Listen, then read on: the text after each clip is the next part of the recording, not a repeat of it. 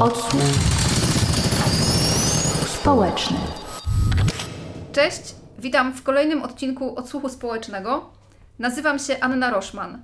Dzisiejszy odcinek jest odcinkiem specjalnym z okazji przepadającej w tym roku 80. rocznicy pogromu w Jedwabnem. Naszym dzisiejszym rozmówcą jest profesor Michał Bilewicz, kierownik Centrum Badań nad Uprzedzeniami Uniwersytetu Warszawskiego. Dzień dobry. Dzień dobry. Na początek naszej rozmowy chciałabym ustawić taki horyzont czasowy, w którym będziemy się poruszać. Część naszych słuchaczy to osoby nastoletnie czy dwudziestoletnie. I dla tych osób wydarzeniem historycznym jest zarówno sam pogrom w Jedwabnem, który miał miejsce w 1941 roku, jak i 60. rocznica pogromu, której towarzyszyło wydanie książki Jana Tomasza Grossa, y, towarzyszył film Agnieszki Arnold pod tytułem Sąsiedzi i towarzyszyły również obchody na miejscu w Jedwabnem, w czasie których padły też takie pamiętne słowa o, o przeprosinach z ust ówczesnego prezydenta Aleksandra Kwaśniewskiego. Jak scharakteryzowałby Pan właśnie reakcję na tamte wydarzenia? Wokół tego była bardzo duża burza medialna. Ten, ten proces miał kilka faz, to znaczy to się zaczęło od filmu Agnieszki Arnold, który nie odbił się specjalnie szerokim echem, był bardzo niszowy. A potem y, ukazuje się y, książka Jana Tomasza Grossa, Sąsiedzi, wydana przez Pogranicze. I to jest ten moment, w którym zaczyna się debata o Jedwabnem. I ona na początku toczy się głównie na łamach Rzeczpospolitej i jest to taka w sumie dosyć chłodna dy dyskusja na te, na te tematy, ale zaczynają się pojawiać głosy takich oburzonych patriotów, którzy, e, patriotów w cudzysłowie, którzy uznali, że pisanie o zbrodni dokonanej przez e, Polaków na e, Żydach może e, godzić w dobre imię narodu polskiego. Ta debata ma też bardzo szybko zaczyna mieć takie dwie strony. To znaczy, drugą stroną tej debaty jest cały ten dyskurs winy i e, jakiegoś takiego narodowego wstydu, czy takich narodowych rekolekcji, które wtedy się zaczynają odbywać po tej książce. Ponieważ to jest chyba taka pierwsza duża dyskusja w Polsce, w której zaczęto y, mówić o tych bardzo mrocznych kartach historii polskiej. Znaczy wcześniej bywały takie rzeczy, tylko one były dużo bardziej niszowe. W latach 80. była dyskusja wokół tekstu Błońskiego y, Biedni Polacy patrzą na getto, o bierności Polaków w czasie Holokaustu. Potem była dy dyskusja wokół artykułu Michała Cichego w latach 90., gdzie Michał Cichy napisał o oddziałach mordujących Żydów w czasie Powstania Warszawskiego ale to były mniejsze dyskusje niż ta, która wybucha właśnie po tej e, książce Jana Tomasza Grossa, gdzie Gross opisuje historię sąsiadów, którzy mordowali swoich sąsiadów. To znaczy takiej czystki etnicznej, która dokonuje się w jednej małej społeczności, w której część tej społeczności morduje drugą część doszczętnie. I robi to w sposób zorganizowany. Jeden z takich artykułów bardzo ciekawych w tamtym czasie napisał Dariusz Stola, który mówił, że Jedwabne to jest taka nowa twarz Holokaustu, ponieważ to jest świetnie zorganizowany akt ludobójczy, w którym e, bierze udział burmistrz, w którym biorą udział władze miejskie, w którym e, jest bardzo dokładny podział, e, podział zadań. Zatem wszystko to, co wiemy, prawda, co, co pisał potem nie wiem, Adorno czy Bauman o Holokauście, no tylko tutaj tymi sprawcami wcale nie są Niemcy, ponieważ Niemcy dopiero wkraczają do Jedwabnego, oni się jeszcze nie zdążyli tam zainstalować. To wszystko samo organizują Polacy w momencie, kiedy, kiedy już, już nie ma na tych terenach Armii Czerwonej, kiedy już nie ma, nie ma, nie ma, to jest ten taki, taki, taki moment trochę bezchołowia, tak? Znaczy Związek Radziecki już opuścił te tereny, Niemcy dopiero wkraczają i lokalna władza jakoś próbuje się może przypodobać Niemcom, próbuje coś zorganizować i, i gremialnie mieszkańcy do tego, do tego dołączają. I to spowodowało właśnie, że zaczęły pojawiać się takie teksty, artykuły prasowe na początku na Rzeczpospolitej, dopiero później w Gazecie Wyborczej, które mm, sugerowały, że no, musimy y, zredefiniować polsko, opowieść o polskiej historii. Że Polacy nie są wyłącznie narodem ofiar, ale możliwe, że były też miejsca, w których Polacy byli narodem sprawców. Tak jak to później kiedyś y, powiedział prezydent Komorowski przy okazji kolejnej e, rocznicy e, tej zbrodni. No i to, to, to, to było to, co się wtedy zadziało. No i oczywiście pytanie było, na ile władze polityczne polskie powinny się pojawić w czasie rocznicy zbrodni jedwabieńskiej e, w lipcu 2001 roku w Jedwabnem. Wręcz to był taki moment fundacyjny, o tym się rzadko mówi, ale to był taki moment fundacyjny pewnej formacji politycznej, która wtedy zaczęła się tworzyć wokół ówczesnego ministra sprawiedliwości która to formacja stworzyła, zrobiła sobie takie tournée po y, y, miejscowościach w Łomżyńskiem, w tam, tamtej okolicy i robili spotkania, na których tłumaczyli e, lokalnym społecznościom, że tutaj zostaliście napiętnowani, naznaczeni, mówi się wam, że jesteście zbrodniarzami, a tak naprawdę przecież e, my Polacy jesteśmy e, wyłącznie, byliśmy ofiarami. I, ten. I teraz... Na zasadzie dygresji tylko bym, w, tak. bym wtrąciła, że tutaj jeszcze jest taki wątek, że Jedwabne poniekąd jest poszkodowane przez to, że jakby zostało twarzą tych pogromów, bo tak naprawdę w tym 1941 roku to podobne pogromy miały miejsce w wielu miejscowościach. Tak, tak oczywiście. Mówimy, mówimy o całym regionie, o Goniącu, Grajewie, e, Bzurach, Szczuczy, koło Szczuczyna, Radziłowie, gdzie mamy drugą, taką największą chyba zbrodnię właśnie w, o, o skali podobnej do, do skali zbrodni jedwabieńskiej. Z kolei tam w okolicach Szczuczyna dochodziło do takich najbardziej krwawych i chyba brutalnych zbrodni, o których pisze na przykład Mirosław Tryczyk w swojej książce. E, ale faktycznie mamy tutaj e, całą taką, taki archipelag zbrodni, który, który, który jest na tym terenie. No i stąd właśnie ta formacja, która wówczas się rodziła, to znaczy grupa polityków, którzy jeżdżą sobie po tych miejscowościach i próbują przekonywać, że tutaj tworzyć taki stan poczucia zagrożenia. Ktoś was tutaj opluwa. No i ta formacja do dzisiaj rządzi Polską, ponieważ ta formacja szybko znajduje dla siebie nazwę Prawo i Sprawiedliwość e, i po jakimś czasie zdobywa w Polsce władzę. I też do dzisiaj taki argument, którego właśnie prawica się trzyma, to jest argument, że przecież to było pod okupacją i że ci żołnierze hitlerowscy byli w tych miejscowościach obecni, co wcale nie jest jednoznaczne. To znaczy, właśnie z książki Mirosława Tryczyka Miasta Śmierci, y, do której Pan nawiązał, wynika, że właśnie bardzo często było tak, że żołnierze hitlerowscy z tych miasteczek po prostu wyjeżdżali na jakiś czas i sprawy toczyły się swoim biegiem. I to faktycznie po prostu Polacy y, jakby własnymi rękami dokonywali tych Tak, zbrodni. znaczy udział, udział Niemców w tych zbrodniach był zupełnie marginalny, to znaczy faktycznie jakiś rodzaj inspiracji tam na pewno był, pewnie był rodzaj takiego zeitgeistu, takiego ducha czasów, to znaczy oni wiedzieli, że po prostu Niemcy, którzy przy, przybywają tutaj po to, żeby walczyć z Żydami zaraz wkroczą, więc trzeba ich godnie powitać.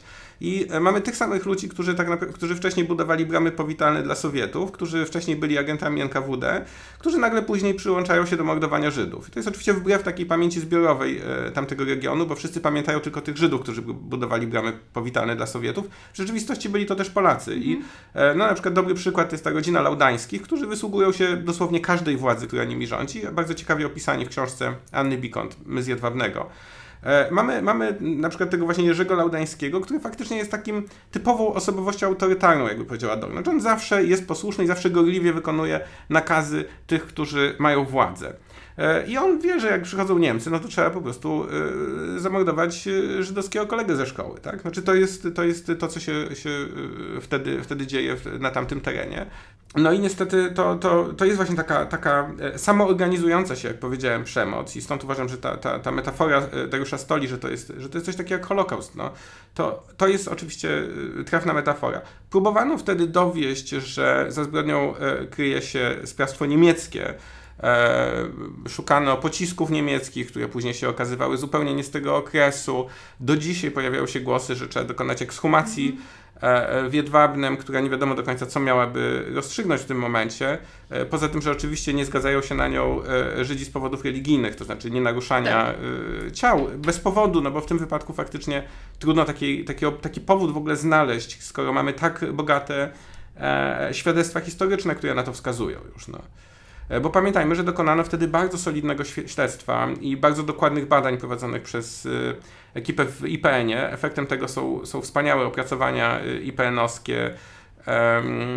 Tutaj no, no, wielu naszych moich znajomych wówczas, wówczas pracowało w tym, w, tym, w tym śledztwie. To był taki no, naprawdę przerażający czas, kiedy mm, ludzie, którzy byli, nie wiem, studentami historii, albo świeżymi absolwentami historii, albo przypadkowo znali język idysz, więc chcieli się też jakoś tam do tego e, włączyć, nagle e, e zostali wrzuceni do takiej sytuacji, w której E, musieli przeglądać dzień w dzień jakieś ekstremalne historie, bo teraz już mm. jesteśmy troszkę z tym oswojeni, ale te historie strasznych zbrodni, historie jakichś takich, no to co, co tutaj Tryczyk pokazuje w tej książce, no to on w zasadzie po prostu wyciąga te procesy sierpniowe i po prostu pokazuje, co, co jest w tych, w tych aktach. No i oni te, te, to, to czytali. Mówimy tutaj o procesach, które odbywały się tuż po wojnie. Tuż po wojnie. Wyjaśnijmy tylko słuchaczom tak. i słuchaczkom, że książka e, Mirosława Tryczyka Miasta Śmierci właśnie opowiada po kolei historię tych wszystkich miasteczek, w których dokonano tych pogromów i zasadniczo opiera się on na źródłach historycznych, jakimi są akta z procesów z lat 40., 50.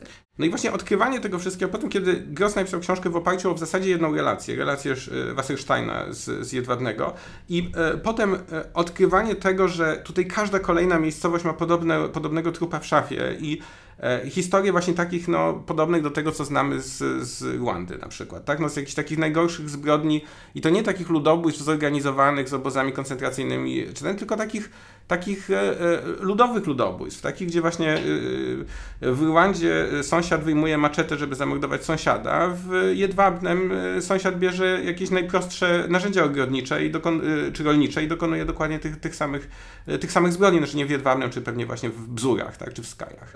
Historie, z którymi ci historycy się wtedy zmagali, pracowali z tym, no ale to był taki czas, kiedy wszyscy w jakimś sensie czuliśmy, że, że, że to jest coś, co naprawdę trzeba dokładnie zbadać, studiować. To są też pierwsze badania, które sam robiłem, bo e, e, wtedy ja byłem studentem socjologii wówczas i mm, pojechałem do Jedwabnego, e, jeszcze zanim ta debata na dobre się rozgorzała i później Jedwabne się tak zamknęło, to znaczy stało się taką trochę oblężoną twierdzą, ludzie przestali już mówić na ten temat.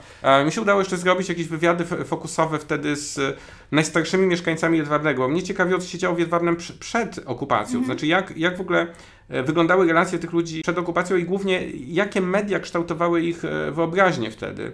E, no i to nie zdziwiło mnie, że faktycznie tam przed wojną dominował rycerz niepokalany i oni byli bardzo mocno, pomimo, że było to w większości ludność niepiśmienna, to czytano im te, te, te antysemickie paszkwile, antysemickie gazety i to tworzyło trochę ten, ten wizerunek Żyda. W tych gazetach ciągle pojawiało się takie proroctwa, że oto wejdą Sowieci i Żydzi będą im budować bramy powitane, witać ich chlebem i solą. No i potem to tworzyło pewien stereotyp, który potem jakby zadziałał, tak? Wtedy, kiedy weszli Sowieci, to to, co oni zapamiętali, to, że Żydzi byli entuzjastyczni, ponieważ wcześniej byli byli jakby przygotowani już na to, że tak właśnie mają to zapamiętać. E, rozmawiałem też z, nie wiem, z córką właściciela stodoły, tak, która miała wtedy kilkanaście lat i, i, i ze wzgórza nad, nad, nad miasteczkiem obserwowała to wszystko.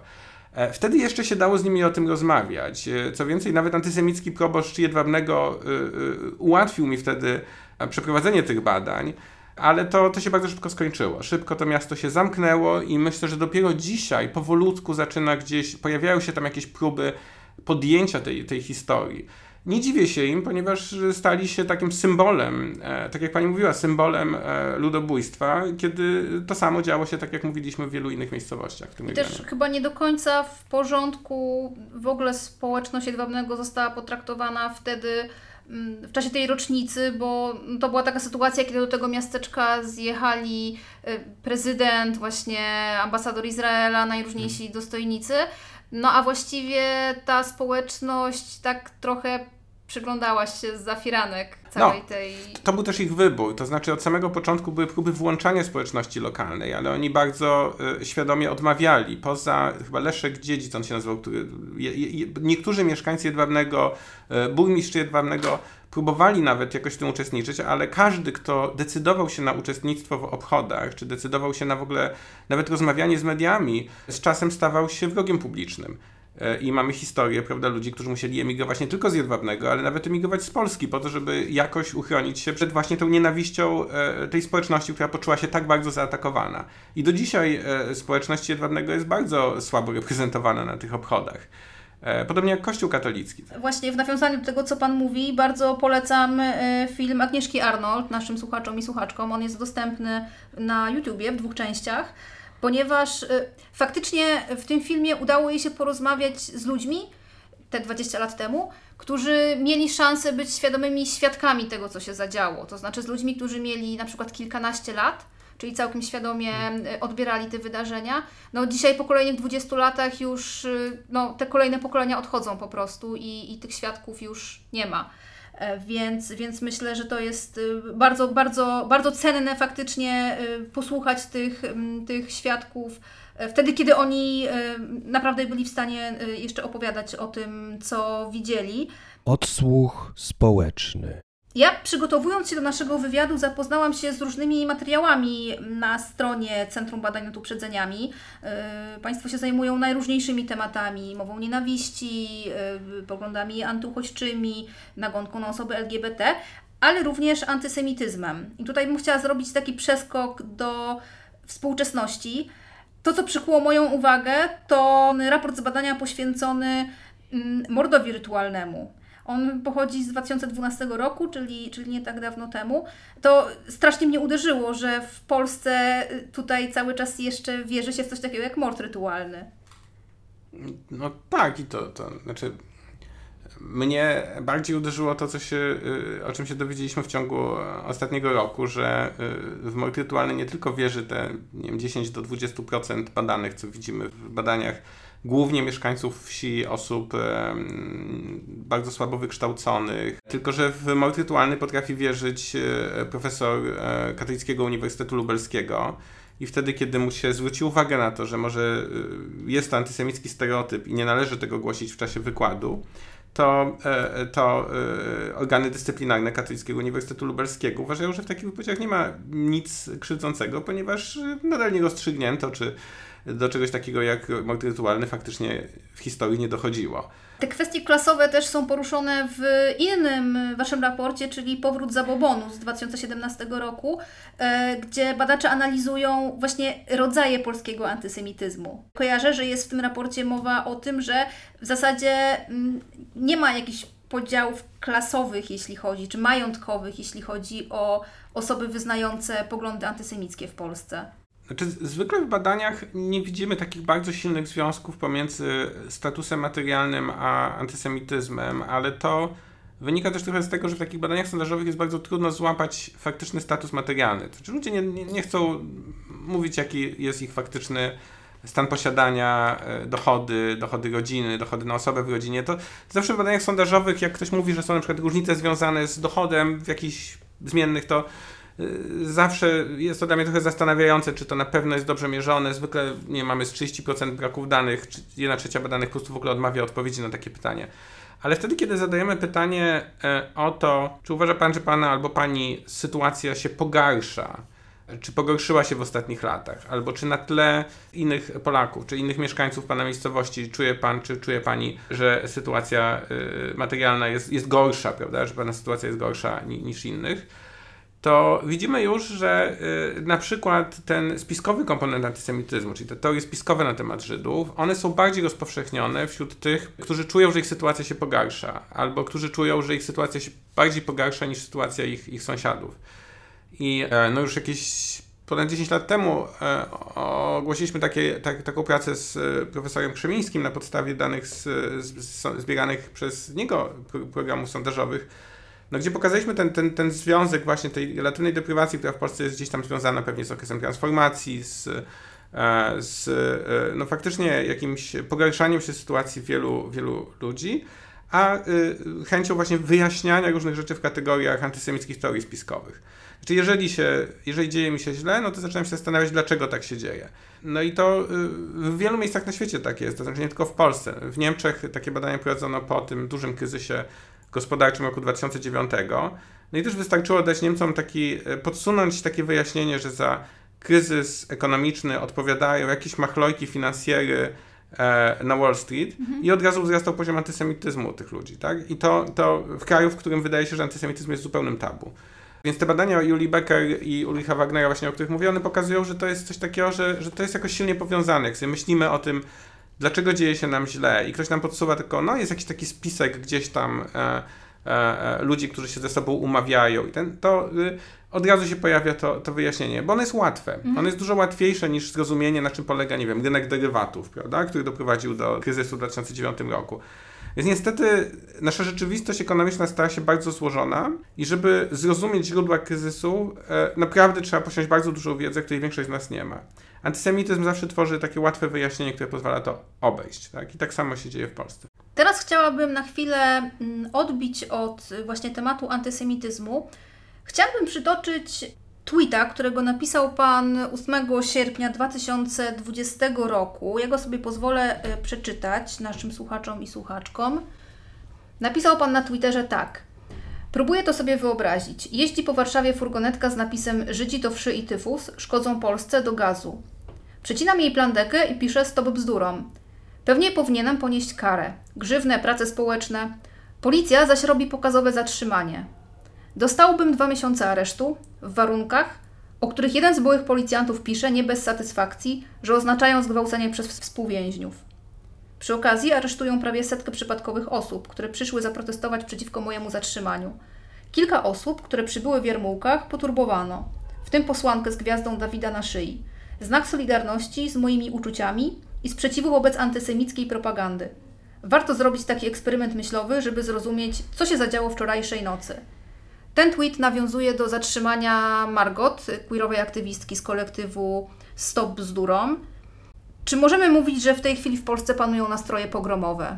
Znaczy, zwykle możemy mówić o nastrojach pogromowych wtedy, kiedy faktycznie e, no, czujemy, że, że są jakieś małe, drobnej skali wystąpienia społeczne, tak? E, które mogą się potem przerodzić w pogrom wtedy, kiedy dojdzie, kiedy rozpowszechni się jakaś plotka na przykład, tak? I to no, są znakomite prace historyków, którzy pokazują, jak wygląda ten mechanizm pogromu, jak, jak, jak do tego dochodzi.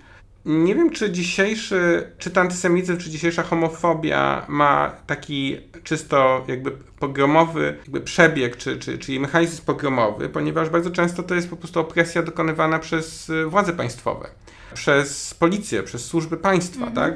Oczywiście pogromy rosyjskie też były organizowane przez carską ochranę w dużej mierze, ale to jednak w, w dużo większym stopniu chyba opierało się na takich e, bardzo oddolnych e, emocjach i oddolnych działaniach. E, mam wrażenie, że u nas zarówno różne antysemickie, jak i homofobiczne działania są gdzieś e, generowane przez polityków i bardzo sterowane politycznie i że ludzie nawet niekoniecznie w nich muszą uczestniczyć, wystarczy, że popierają je głosując na tych polityków, którzy robią takie rzeczy, czy głosując na, na, na tych e, polityków, którzy później jako rządzący prawda, odpowiadają za, za nadużycia władzy przez policję czy przez, przy, przy, przez służby wobec, wobec osób LGBT. E, wtedy, gdy pisałem tego tweeta, byłem zdecydowanie poruszony tym, bo no to, to jest nie pierwsze chyba takie porównanie e, sytuacji e, Żydów przedwojennej. Myślę tutaj bardziej o, o, o takiej właśnie państwowej dyskryminacji Żydów, tak? o getcie ławkowym, o, o różnych ograniczeniach, dyskryminacji, protestach przeciwko temu, żeby Żyd był nauczycielem. No, na przykład w Rycerzu Niepokalanej tutaj głównie pisano o tym, że Żydzi deprawują młodzież, nie powin, Żyd nie powinien być nauczycielem. No i to jest ten dyskurs, który polska prawica już gdzieś od, od końca lat 90. również stosuje do, do e, osób e, LGBT+. To znaczy, że, że oni są zagrożeniem dla dzieci, tak? że oni szczególnie zagrażają dzieciom. To jest taki argument, który zawsze bardzo silnie trafia, prawda? To odwołanie się do dobra dzieci. No i to jest. E, I coraz trudniej moim zdaniem być wyautowanemu gejowi czy wyautowanej lesbice być, być nauczycielem czy nauczycielką w Polsce.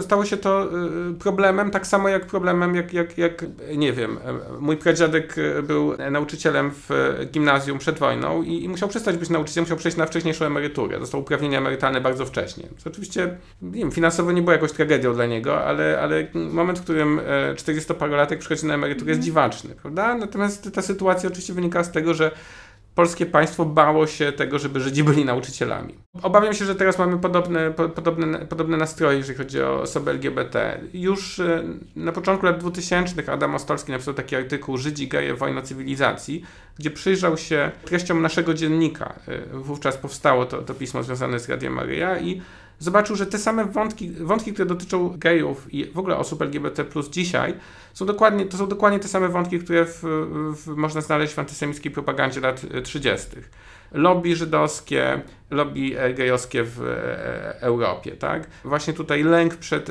lęk o, o nasze dzieci, które zostaną zdemoralizowane. I dokładnie to samo, właśnie. deprawacja. Taka panika moralna e, wokół tego. E, taka hiperseksualizacja Żydów, mm -hmm. którą na przykład znajdziemy w różnych rejoniach Adolfa Hitlera również, tak? Postrzeganie Żydów jako tych, którzy zagrażają kobietom, mm -hmm. są seksualnie jakoś niebezpieczni, kierowani analogia... wyłącznie popędem. No i to jest dokładnie to samo, jak są postrzegani dzisiaj geje I tu jest też analogia na przykład z rasizmem w Stanach Zjednoczonych, gdzie podobne narracje tak. były wokół czarnoskórych mężczyzn. Wcześniej też e, w czasie fali irlandzkiej migracji wokół Irlandczyków, czyli widzimy, z tą, że... Z tą drobną różnicą, że jeżeli chodzi o Żydów i o y, osoby LGBT+, to, są, to bardzo ważny jest ten postrzegany wysoki status tej mniejszości. To znaczy się mm. uważa, że geje są ci, co dominują, rządzą, mają w rękach media, kulturę, są w miastach i, i stąd to jest podobne do tego, jak na przykład byli postrzegani Żydzi w, prawda, w, w Niemczech, że oni są tutaj w miastach, odpowiadają za zepsucie, prawda, i, i, i, e, i to jest trochę inne od, od tego, jak, jak postrzegani są e, Afroamerykanie, czy jak, jak postrzegani są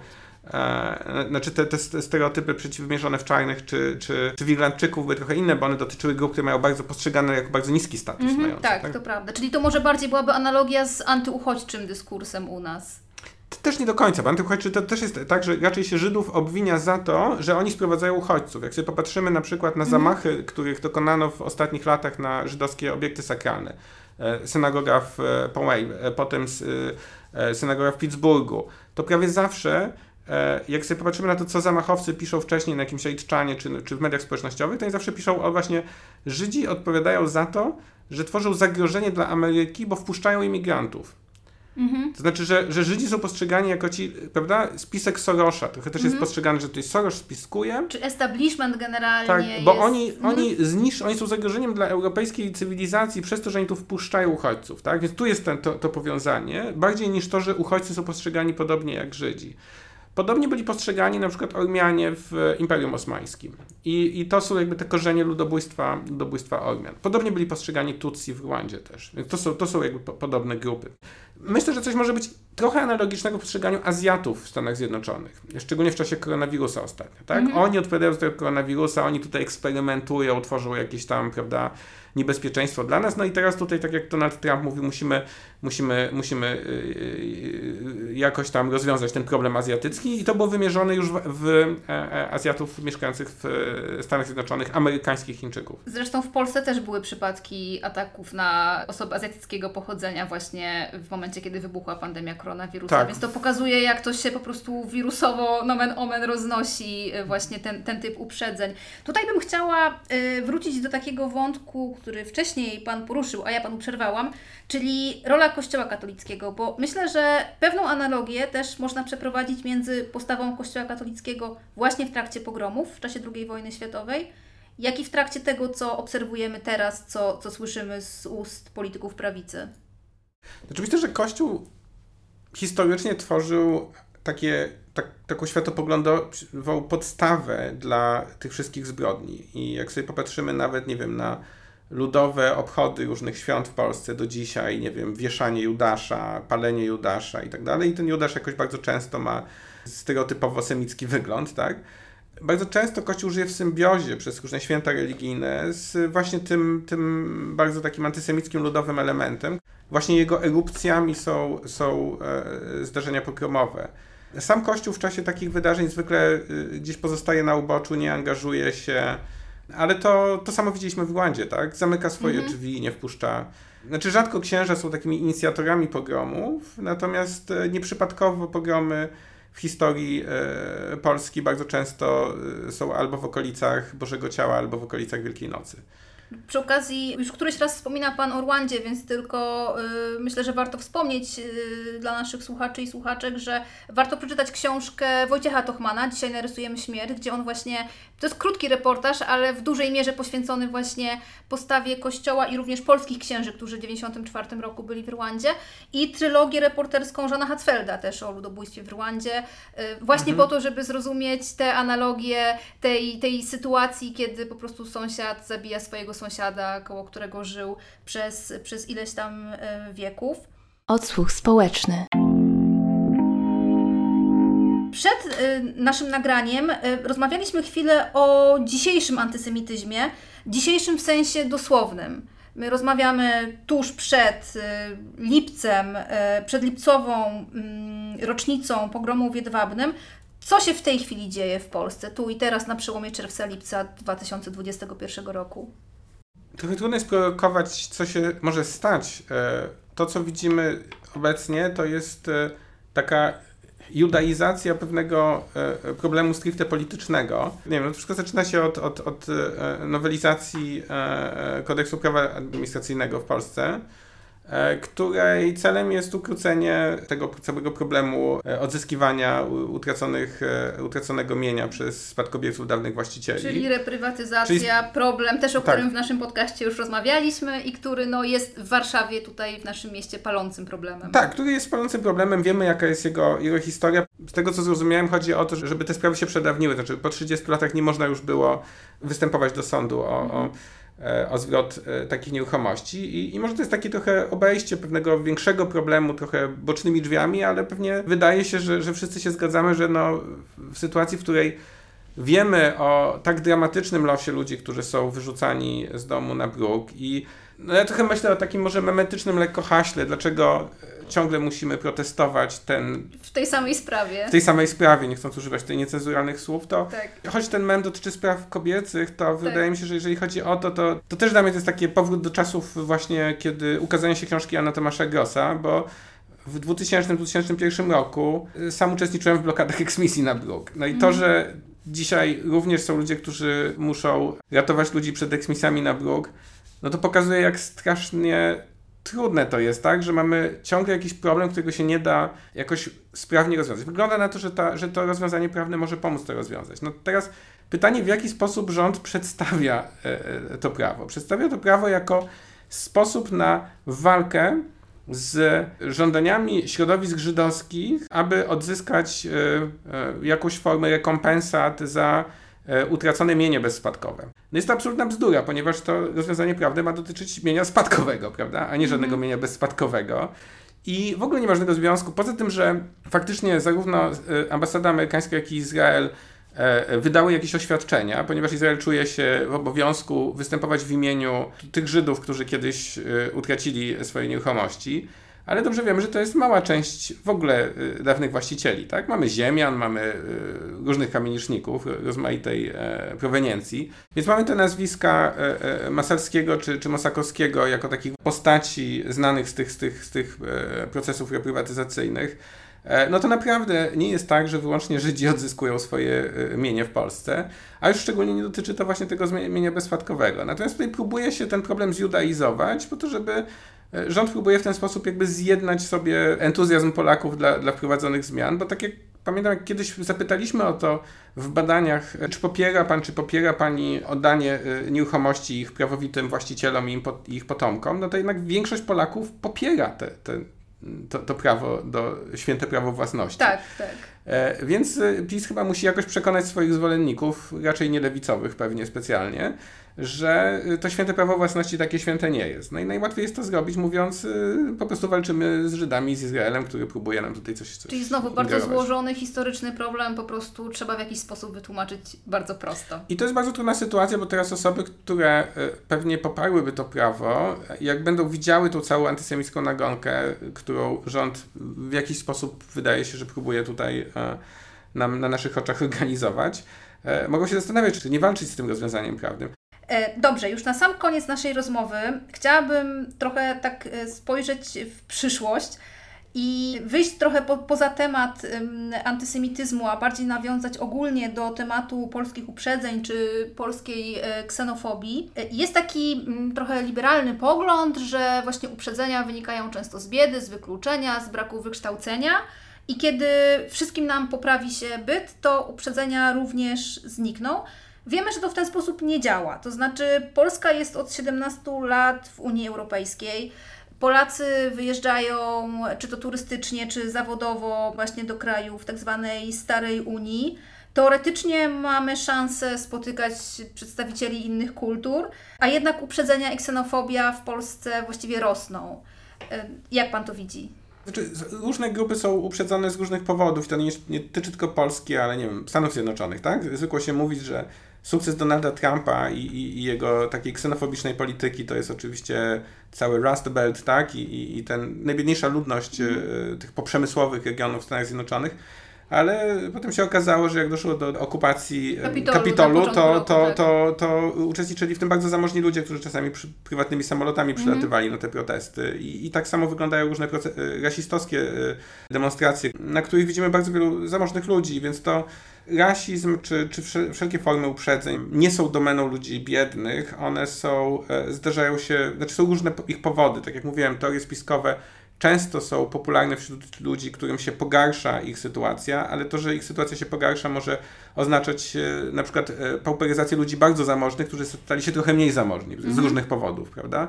Więc nie zawsze oznacza to obiektywnie najniższy status społeczny. Ludzi, którzy są w takim trwałym ubóstwie, kiedyś tak dosyć ładnie o tym pisał Piotr Ikonowicz, że mm, z jego kontaktów z e, zupełnie takimi najubo, najuboższymi Polakami, tymi właśnie, którzy byli eksmitowani albo no, którzy żyją w stanie głębokiego ubóstwa, no to oni mm, nie mają nic do uchodźców. Oni w uchodźcach widzą tych, którzy, których sytuacja jest bardzo podobna do nich. Oni, oni y, podzielą się tym, czego nie mają. Y, Ja myślę, że to, to, to trochę tak wygląda. To znaczy, że to, to często są właśnie grupy takie e, różne niższe klasy średnie, na przykład tam zwykle w badaniach widzimy, że są naj, najwyższe poziomy uprzedzeń, ale to są różne uprzedzenia, wyglądają bardzo różnie w tych różnych grupach e, e, w stratyfikacji e, e, jakby stricte takiej dochodowej. Chciałam zapytać, czy w związku z tym można powiedzieć, że my jako społeczeństwo nie umiemy być tolerancyjni? Jakkolwiek źle to brzmi, ja wiem, że to, to może być trochę prowokacyjne Tak, to, pytanie. to brzmi bardzo e, e, w duchu, nie wiem, książki Adama Leszczyńskiego, tak? Że, Tak. E, e, czy bardziej tytułu po prostu, tak? Znaczy, Tak, chodzi o e, książkę Adama Leszczyńskiego, gdzie Adam Leszczyński bada właśnie jak przez wieki Polacy e, sami sobie umniejszali na przykład na tak, czy narzekali i tak dalej, prawda? tak. Znaczy, no dno po, polsku, po prostu jest Polska. Ja myślę, że to nie jest tak, że Polacy są sz- szczególni czy specyficzni w tym wszystkim. To znaczy, podobne procesy widzimy w innych e, krajach Europy e, Środkowo-Wschodniej, trochę w Grecji też. E, Ja myślę, że różne kraje, które mają taką historię podobną do polskiej, ta sytuacja z uprzedzeniami wygląda tam, tam podobnie. No, robiliśmy badania w Grecji, gdzie też okazuje się, że że e, e, ludzie, którzy na przykład są tak bardzo, mają tą taką obsesję bycia ofiarą, nasz naród był ofiarami i tak dalej, chętniej wierzą w teorie spiskowe. Niedawno ogłosiliśmy takie badania właśnie oparte na badaniach polskich i, greckich i mamy bardzo podobne wyniki w Polsce i w Grecji. Jeżeli ktoś y, właśnie ma te, te takie różne urojenia na temat tego, że, że nie, nie, nie zawsze urojenia, bo to się gdzieś odnosi do faktycznych doświadczeń tych narodów, ale jest bardzo zafiksowany na tej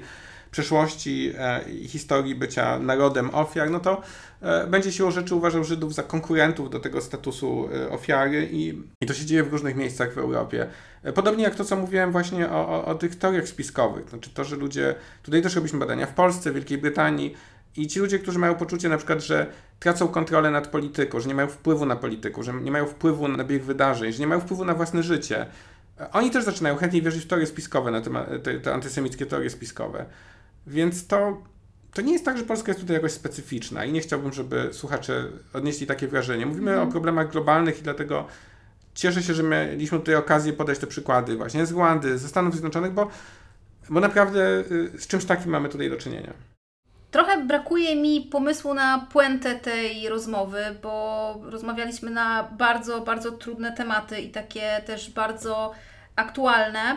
Więc pomyślałam, że po prostu na koniec zapytam Pana, jak Pańskim zdaniem mogłyby albo powinny wyglądać obchody e, rocznicy pogromu w Jedwabnem? No najlepiej, żeby były to obchody y, licznie obchodzone nie tylko przez władze publiczne, których najprawdopodobniej w tym momencie tam nie będzie. Byłoby dobrze, żeby oni tam byli, ale dla mnie chyba ważniejsze są te rzeczy, które dzieją się na poziomie takim już zupełnie lokalnym, czyli właśnie nie w Jedwabnem, ale właśnie na przykład w innych miejscowościach, w których dochodziło do takich, e, do takich zdarzeń, żeby ludzie czuli się w obowiązku nie wiem, no, e, postawić jakąś świeczkę, jakiś znicz, nie wiem, położyć kwiaty i, i, i to są takie, to jest coś, co może nastąpić wtedy, kiedy ludzie uświadomią sobie, że Żydzi, którzy tam zginęli, byli też ich e, współmieszkańcami tego samego miasta, Polakami, że będą mieli jakąś taką wspólną tożsamość. I tutaj to na przykład, co robi Fundacja Forum Dialogu w różnych miejscowościach, gdzie prowadzi e, zajęcia, uczy, e, znaczy nawet nie uczy, ale raczej motywuje młodych ludzi do tego, żeby odkrywali żydowską przeszłość swojej miejscowości i zaczynali mieć takie poczucie trochę też dumy z tego, że tutaj byli mm, też Żydzi, którzy jakoś włączyli się do historii naszej miejscowości. I może z tej dumy właśnie może wynikać też potem większe poczucie jakiejś odpowiedzialności za, za, za historię. I to są rzeczy, które się powinny zadziać znacznie wcześniej niż na poziomie obchodów, tylko na poziomie takiej skutecznej, rozsądnej, e, otwartej edukacji szkolnej. E, I od tego jesteśmy dzisiaj jak najdalsi, niestety. To znaczy, ja myślę, że to naprawdę, dopóki na poziomie edukacji coś fundamentalnie się w Polsce nie zmieni, a niestety zmienia się w dokładnie przeciwną stronę, to y, trudno będzie mówić o jakichkolwiek sensownych praktykach komemoratywnych. Jednym słowem, warto po prostu edukować na temat tego, że Polska nie zawsze była tak jednorodnym społeczeństwem, jak teraz jest społeczeństwo polskie. I nie tylko na poziomie Polski, ale na poziomie właśnie społeczności lokalnej. To, czy Tutaj nawet minister, minister Czarnek mówił, że musimy odejść od uczenia wyłącznie historii Polski i przejść na uczenie historii lokalnej. Nie wiem, czy miał na myśli to samo, co ja miałbym na myśli, mówiąc dokładnie takie samo Tak. zdanie, ale uważam, że faktycznie powinniśmy uczyć więcej historii lokalnej, bo jak się głębiej studiuje historię miejsca, w którym się mieszka, to zawsze się odkryje, że był tam jakiś Niemiec, Żyd, Ukrainiec i że oni wspólnie tworzyli tą historię Polski, która kiedyś była bardzo wieloetnicznym państwem. Pozwolę przytoczyć sobie taką anegdotę. Ja chodziłam do podstawówki w latach 90. na Kaszubach, niedaleko Piaśnicy, czyli takiego miejsca kaźni właśnie y, y, na północy Polski, gdzie, gdzie kilkanaście tysięcy osób zginęło z rąk y, hitlerowców. I bardzo dużo się o tym uczyłam w szkole. Natomiast nigdy nikt nie mówił mi o tym, że tam e, ginęli również Żydzi, że w ogóle w tej mojej okolicy była jakakolwiek ludność żydowska. O tym, że byli protestanci, no to wiedziałam. E, Czy, czy mm, po prostu mm, Ka- Kaszubi jako pewna odrębna grupa e, językowa. Natomiast o tym, że w niedaleko mojej rodzinnej wsi był, była gmina żydowska i Żydzi stamtąd również ginęli w Pieśnicy, dowiedziałam się jako dorosła osoba już mieszkając w Warszawie i, i zgłębiając te tematy na, na własną rękę, więc bardzo, bardzo do mnie przemawia to co, to, co Pan teraz powiedział o tych pomysłach na edukację. Yy, Myślę, że y, to jest y, dobra puenta tej rozmowy. Dziękuję serdecznie. Jakkolwiek spotkaliśmy się z takiej dość trudnej okazji, to, to myślę, że, że ta rozmowa będzie dla naszych słuchaczy ym, bardzo wartościowa.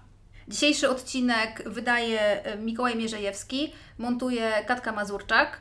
Ja się nazywam Anna Roszman. Moim gościem był profesor Michał Bilewicz, kierownik Centrum Badań nad Uprzedzeniami Uniwersytetu Warszawskiego. Dziękuję. Dziękuję bardzo. Szukajcie nas na Instagramie, Twitterze, Facebooku i słuchajcie nas na wszystkich popularnych platformach podcastowych. Odsłuch społeczny.